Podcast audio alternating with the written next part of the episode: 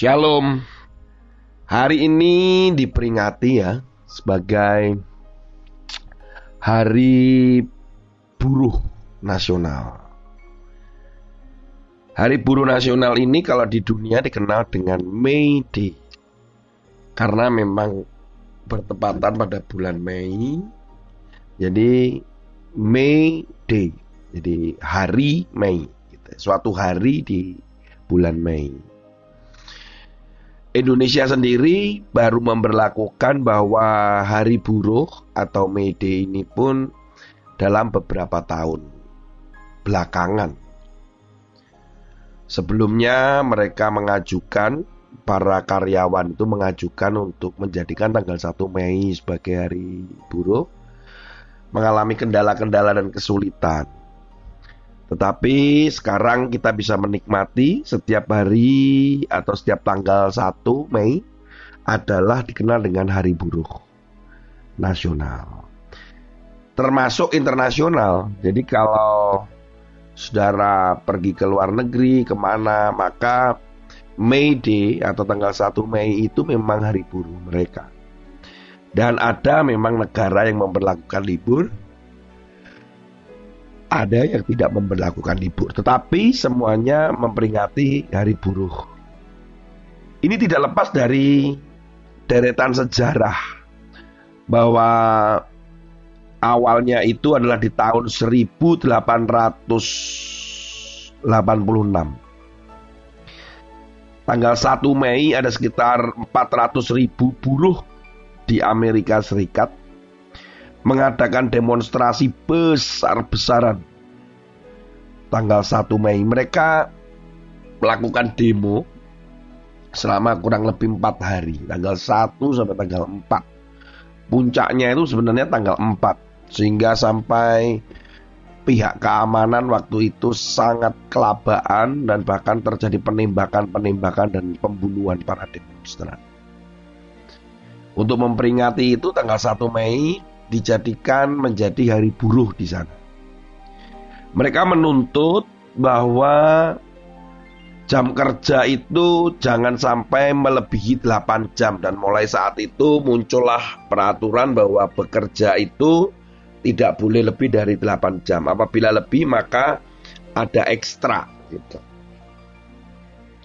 Sebagai mantan HRD Hal ini kami sangat menguasai untuk jam kerja, lembur, perhitungan, benefit, aturan-aturan yang diperlakukan untuk karyawan di Indonesia. Kami harus menguasai di HRD itu. Apabila kerja lembur 2 jam, 3 jam, 4 jam, 12 jam, wih itu hitungannya jadi berbeda dari libur dan seterusnya. Mereka dapat uang makan, dapat fasilitas ini dan itu dan kadang sering kali muncul malah uang lembur mereka lebih besar daripada gaji mereka. Di Indonesia dan beberapa istilah ya, di istilah di Indonesia sendiri kalau berkata buruh itu jadi risi sepertinya. Saya sendiri kalau mengatakan buruh itu or kesannya ya, kesannya itu seperti orang rendahan, orang yang uh, teraniaya begitu. Tapi sadarkah saudara bahwa sebenarnya kita ini juga sebenarnya adalah pelayan atau buruh, melayani, hamba. Di dalam Markus pasal 10 ayat 43 sampai 44 dikatakan demikian. Tidakkah demikian di antara kamu, barang siapa ingin menjadi besar di antara kamu, hendaklah ia menjadi pelayanmu. Dan barang siapa ingin menjadi terkemuka di antara kamu, hendaklah ia menjadi hamba. Dalam bahasa Yunaninya dulos, untuk semuanya untuk menjadi pelayan, untuk menjadi hamba, itu hal yang biasa terjadi di dalam dunia kekristenan dan orang percaya. Bahkan kita menyebutkan, oh dia pelayan Tuhan, dia melayani Tuhan. Kata-kata serve, melayani, servant, dia pelayan gitu ya, melayani. Nah, tetapi sering kali banyak kita sebagai orang percaya tidak merasa bahwa kita memang dipanggil juga menjadi hamba yang melayani. Firman Tuhan juga katakan bahwa engkau sudah dibeli lunas. Jangan menjadi hamba manusia, dikatakan begitu. Jangan diperhamba, bahkan jangan diperhamba oleh dosa. Kenapa Tuhan mau supaya saudara dan saya hidup di dalam pelayanan? Seringkali kita merasa ingin dilayani terus, ingin dilayani terus. Bahkan para pendeta, hamba Tuhan pun hidupnya juga dilayani. Ini hal yang sangat terbalik dengan dunia. Dikatakan di dalam Markus jelas, kalau engkau mau menjadi besar, maka harus menjadi pelayan. Kalau engkau menjadi, mau jadi terkemuka, engkau harus menjadi hamba, dulos. Nanti saya akan terangkan. Kalau di dalam bahasa Inggrisnya jelas, you must be the servant of the rest. Bahkan yang ayat 44 lebih nggak enak. You must be the slave. Wah itu jelas, itu budak itu. Slave, dulos of all. Melayani. Suatu hari seorang teman saya pernah berkata begini. Tony, kita ini kalau pelayanan keluar kota dengan tim, kita melayani di luar kota, sebenarnya kita ini pelayan Tuhan atau dilayani? Kalimat pertanyaan itu itu menjadi perenungan. Apakah benar kita melayani Tuhan atau dilayani oleh mereka? Seringkali kita banyak menuntut, banyak protes, banyak komentar ketika kita harus melayani Tuhan. Musik tidak lengkap, suara tidak enak, tidak keluar, tidak nyaman, AC mati, fasilitas tidak ada, tidak dijemput, makanan tidak datang, tidak diantar.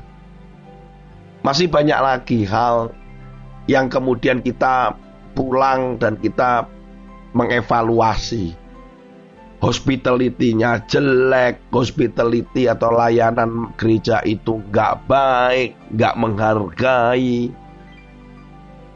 Begitu banyak komplain ketika kita di dalam pelayanan. Nah sebenarnya kita ini dilayani atau melayani. Saudara, hidup kita ini melayani. Tuhan panggil kita itu untuk melayani. Ada banyak bukti. Kalau Yesus saja dia berkata pekerjaanku adalah melakukan kehendak Bapakku. Artinya dia mengajarkan kita untuk melakukan bekerja sesuatu atas order, atas perintah, atas direction, atas satu arahan dari sesuatu se seorang yang ada di atas. Apa itu artinya? Artinya bahwa Tuhan sedang mengajarkan kita untuk menjadi seorang hamba. Saya akan tunjukkan sebuah ilustrasi yang menarik sekali. Ketika ada orang, seorang panglima perang, panglima perang loh, digaji 45 ribu per bulan. Yang pangkatnya di bawah panglima digaji 6 ribu sampai 15 ribu per bulan. Kemudian juru kunci kerajaan itu 15 ribu per bulan Pasukan yang baru bergabung 7000 per bulan. Tugasnya 12 hari sekali. Jadi sebulan itu 12 hari. Sekali tugas dapat 500 rupiah. Sekali tugas 500 rupiah. Kalau dia mendapatkan tunjangan hari raya, tunjangan hari rayanya sekitar 7.000 sampai 10.000 per tahun dipotong asuransi 500 rupiah per bulan. Coba saudara bayangkan dulu, 45 ribu itu kalau panglima, kalau pangkat bawah 6 ribu sampai 15 ribu, juru kunci, pasukan baru. Anggap aja saudara ambil saja, tertinggi lah. 45 ribu per bulan sebagai panglima perang di sebuah kerajaan. Kemudian saudara kerja 12 hari, 500 kali tugas. Berapa itu? 6 ribu, 51 ribu. Dapat tunjangan hari raya. Anggap aja pas saudara pas hari raya sudah lebih enak. 61 ribu ditambah 10 ribu kita ambil maksimal. 71 ribu. Dipotong asuransi. Berarti berapa saudara? 70.500. Mau nggak kita dapat per bulan sekitar 70.500? Saya pasti komplain, saudara juga akan komplain itu. Ada nggak yang mau mendaftar menjadi karyawan atau menjadi pasukan di dalam kerajaan itu? Wah, boro-boro. Kita akan mencari yang lain yang gajinya lebih tinggi, fasilitas lebih enak, semuanya akan begitu. Tetapi faktanya, bahwa yang mendaftar untuk menjadi pasukan di situ dan bekerja di situ, mengabdi di sana, itu yang mendaftar saja pada waktu di mana saya mendapatkan data ini, 2.300 orang lebih yang mau bergabung. Menurut saudara akan berkata ini, wih, itu pikirannya otaknya di mana gitu. Dan Ketika kita tahu bahwa yang mendaftar itu adalah guru, dosen, pegawai negeri, dokter, petani, pedagang, kita kan lebih kaget lagi. Orang pinter kok mau. Saudara, siapa mereka ini? Mereka mendaftarkan diri untuk menjadi abdi dalam Yogyakarta. Keraton Yogyakarta itu jadi ini bukan sebuah kisah dongeng, tetapi ini fakta bahwa Keraton Yogyakarta beberapa tahun lalu ketika saya mendapatkan data ini, itu adalah list daripada gaji yang diberikan kepada setiap orang yang bergabung menjadi abdi dalam di Yogyakarta. Pertanyaannya, mengapa mereka mau?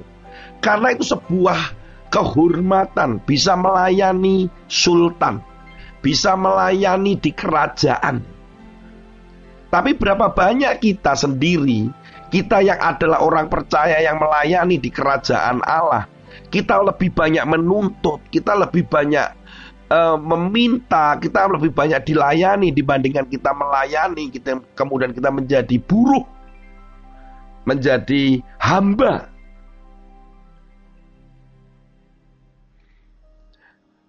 Hari buruh ini menjadi sesuatu momen yang saya menjadi perenungan. Benar nggak saya ini menjadi hamba Tuhan? Benar nggak saya sudah memiliki hati seorang hamba? Hamba sudah tidak punya hak lagi, hak, nggak punya hak untuk bicara, tidak punya hak untuk untuk uh, bahkan ya tidak punya hak untuk menuntut, nggak punya hak untuk dia melepaskan diri, dia tidak punya hak untuk membela diri. Karena total pada zaman itu ketika dikatakan dulos, dikatakan slave, itu dikatakan seperti itu. Itu artinya dia sudah bahkan untuk hidupnya sendiri dia tidak punya hak. Siapa yang menentukan haknya dia? Hidup dan mati bahkan. Itu adalah Tuhan yang sudah membeli lunas. Karena slave atau budak itu dibeli dari pasar budak. Mereka dijual, ingat kisahnya Yusuf. Yusuf dijual sebagai budak. Dijual di sebuah pasar, dilelang, kemudian dibeli oleh tuannya. Sejak itu dia tidak punya hak untuk dia atas kehidupannya. Dia tidak punya hak atas bicara. Dia nggak punya hak Bahkan hari itu dia mau dibunuh, dia mau diapakan, dia tidak bisa protes. Berbeda dengan sekarang.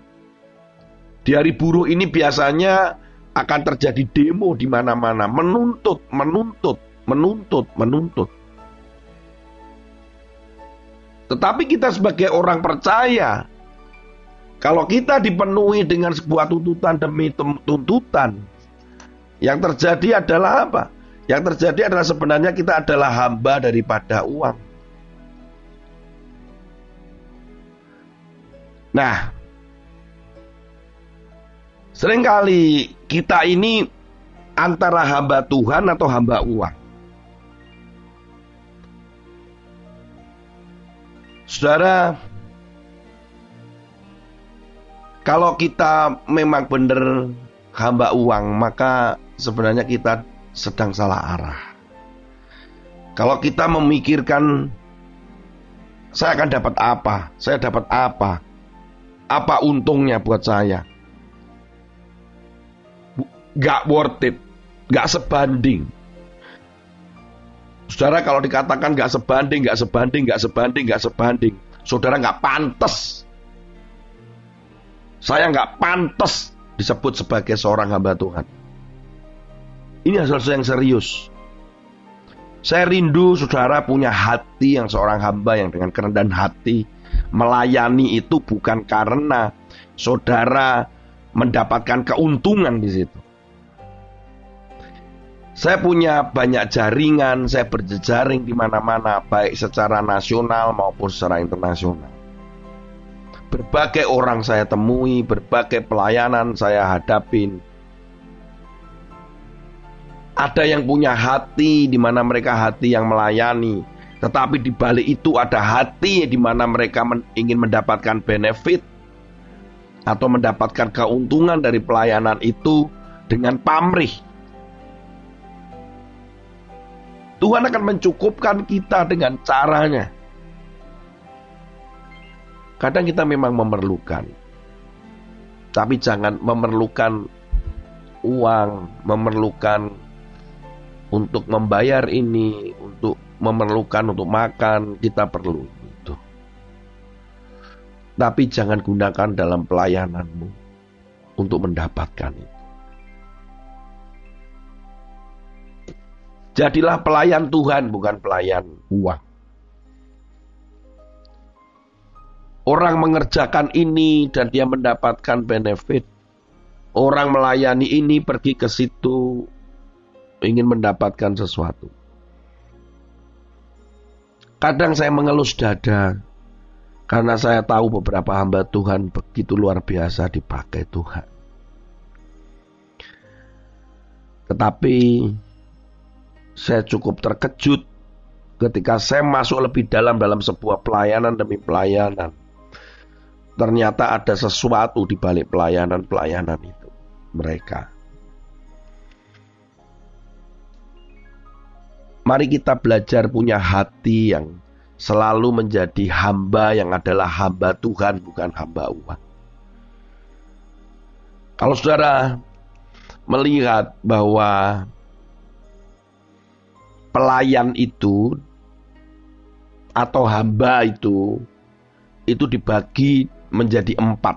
Ya, kita belajar sedikit. Satu adalah dulu. Yang kedua adalah diakoneo. Yang ketiga adalah hipretes. Yang keempat adalah liturgikos.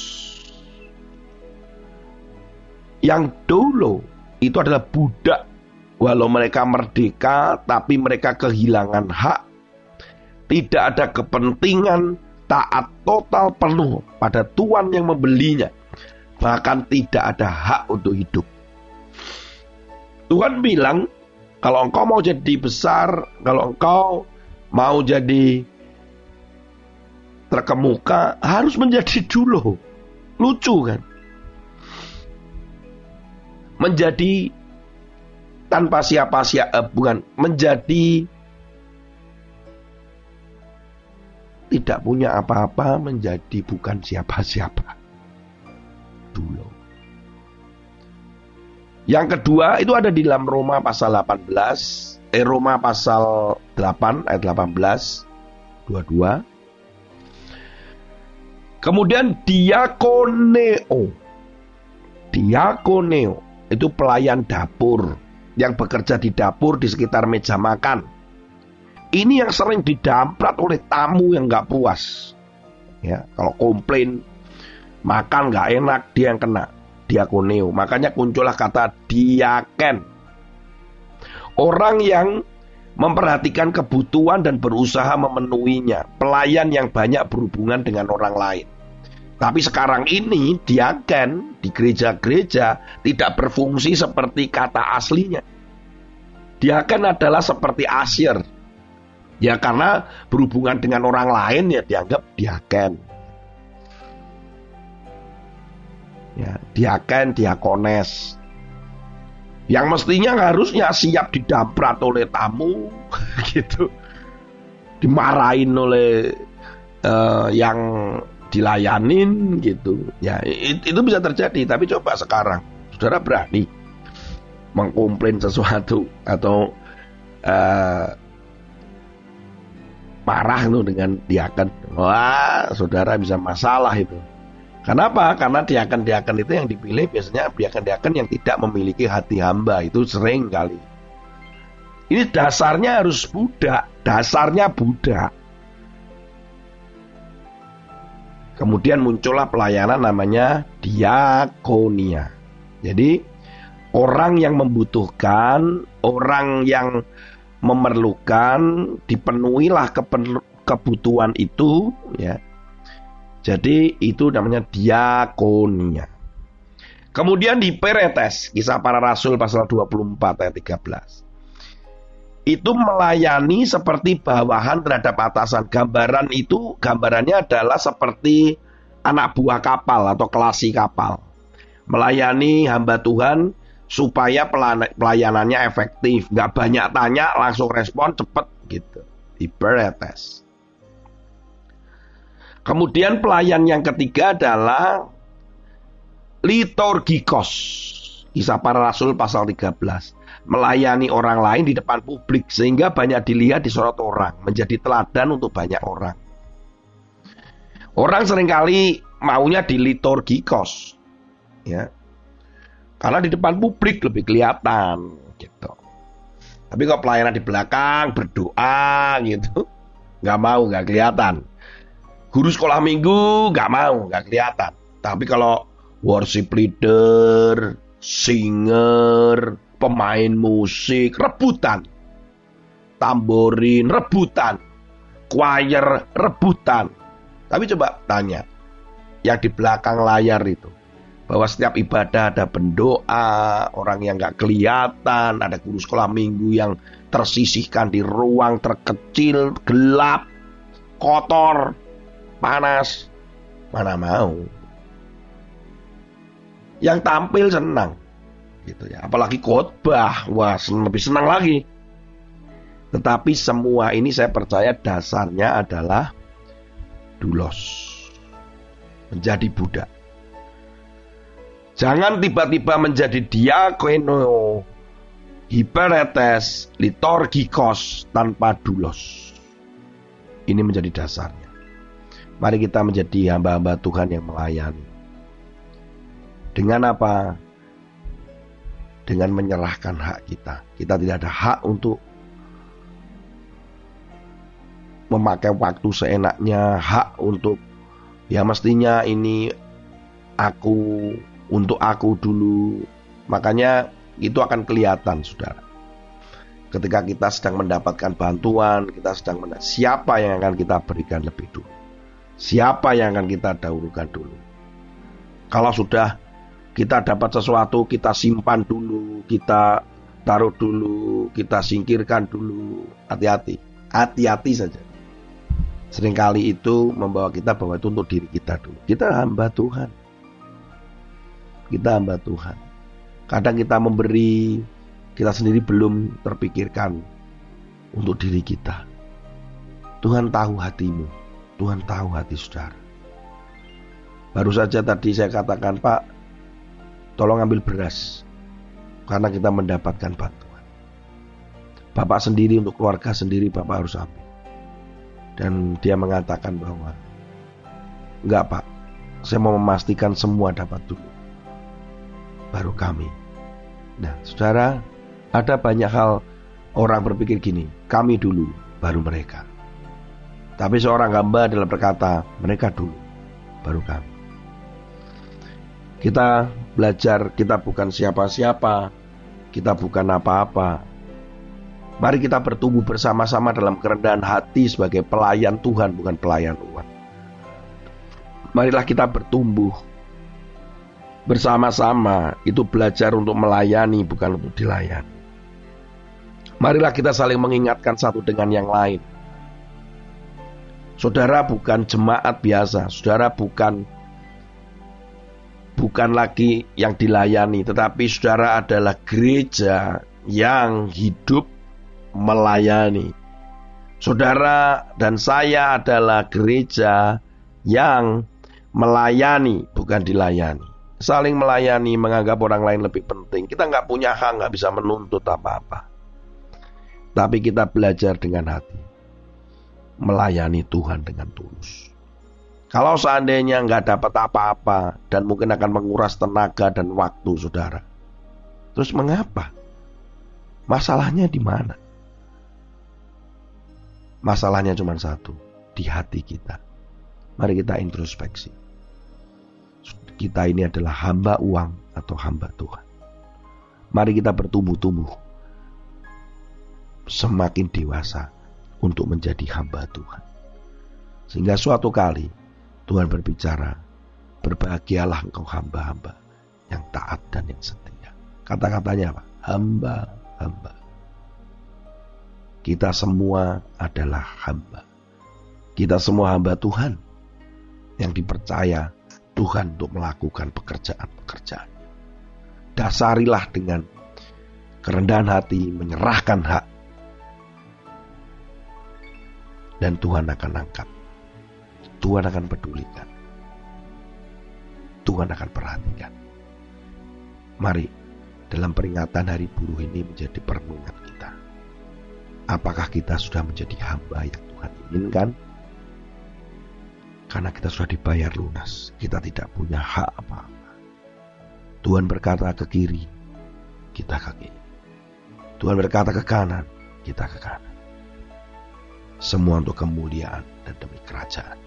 Sebuah keistimewaan, sebuah penghargaan, sebuah kehormatan.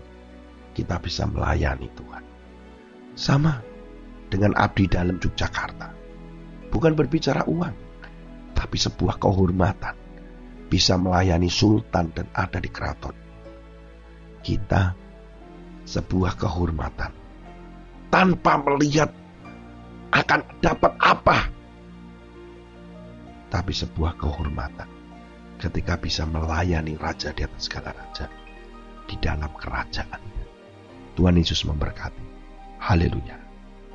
Is it friends home? Stay home. Stay home. Have to stay home.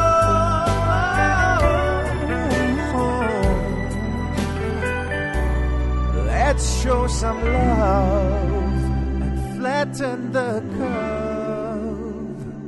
by staying at home.